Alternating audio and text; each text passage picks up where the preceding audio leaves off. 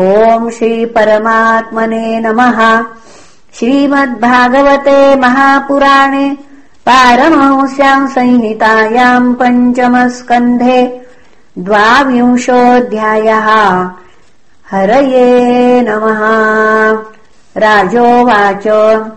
यदेतद्भगवत आदितस्य मेरुम् ध्रुवम् च प्रदक्षिणेन परिक्रामतो राशीनामभिमुखम् प्रचलितम् चाप्रदक्षिणम् भगवतोपवर्णितमामुष्य वयम् कथमनुमिमीमहीति।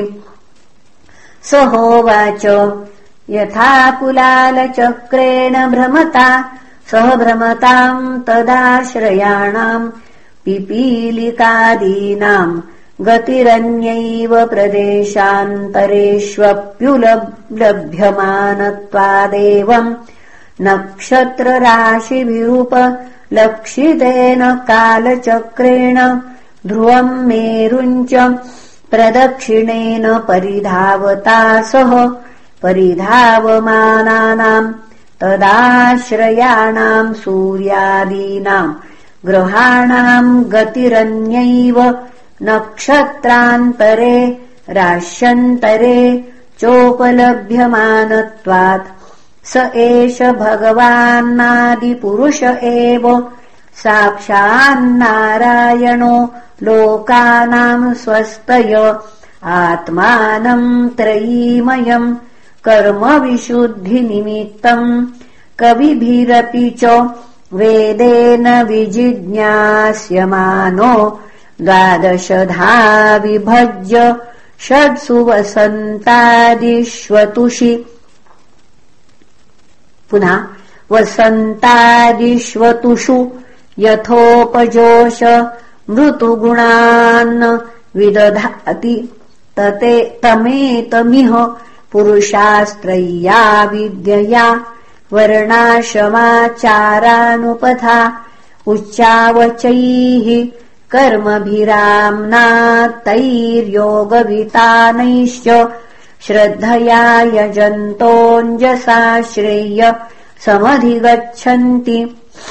अथ स एष आत्मा लोकानाम् द्यावापृथिव्योऽन्तरेण नभोवलयस्य कालचक्रगतो द्वादशमासान् भुङ्क्ते राशिसंज्ञान् संवत्सरावयवान्मासः पक्षाद्वयदिवानक्तम् चेति सपाद पुनः सपादर्क्षद्वयमुपदिशन्ति यावता षष्ठमंशम् भुञ्जीत स वै ऋतुरित्युपदिशते संवत्सरावयवः अथ च यावतार्धेन नवोविथ्याम् प्रचरति तम् कालमयनमाचक्षते।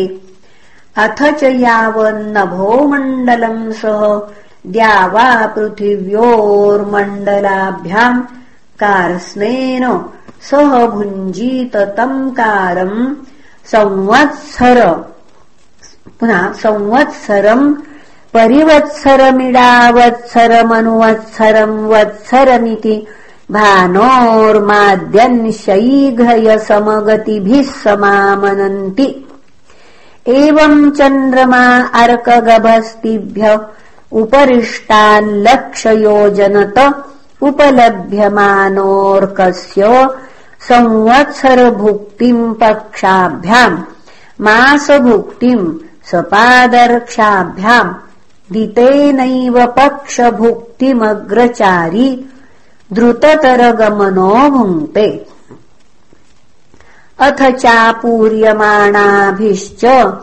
कलाभिरममा पुनः कलाभिरमराणाम् क्षीयमाणाभिश्च कलाभिः पितॄणामहोरात्राणि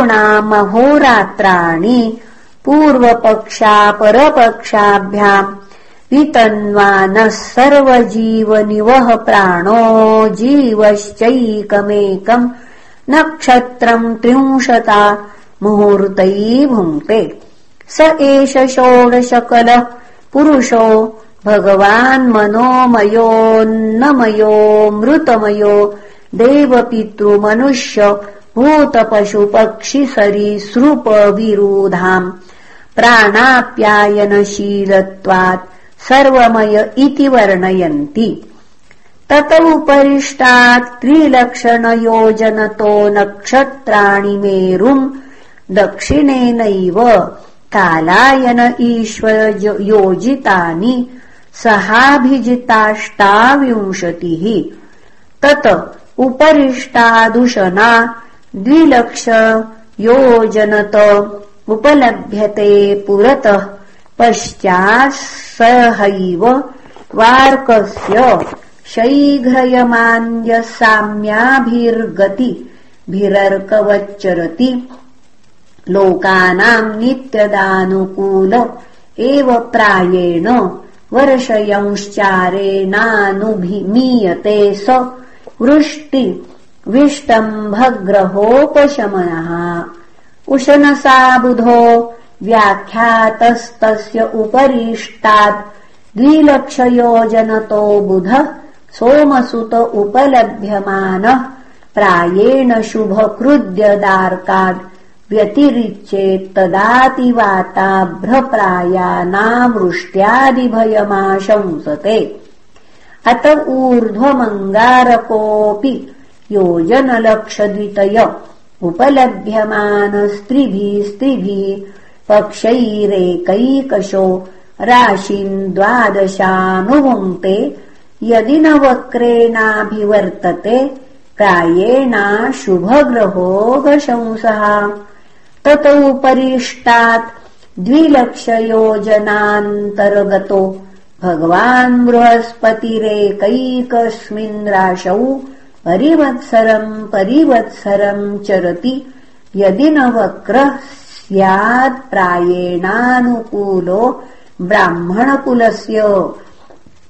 ततौ परिष्टाद्योजनलक्षद्वयात् प्रतीयमानः शनैश्चर एकैकस्मिन् राशौ।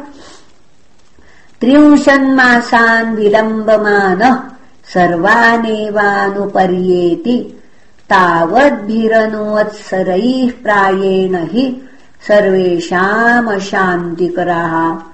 तत उत्तरस्मादृषय एकादशलक्षयोजनान्तरम् उपलभ्यन्ते य एव लोकानाम् शमनुभावयन्तो भगवतो विष्णोर्यत्परमम् पदम् प्रदक्षिणम् प्रक्रमन्ति।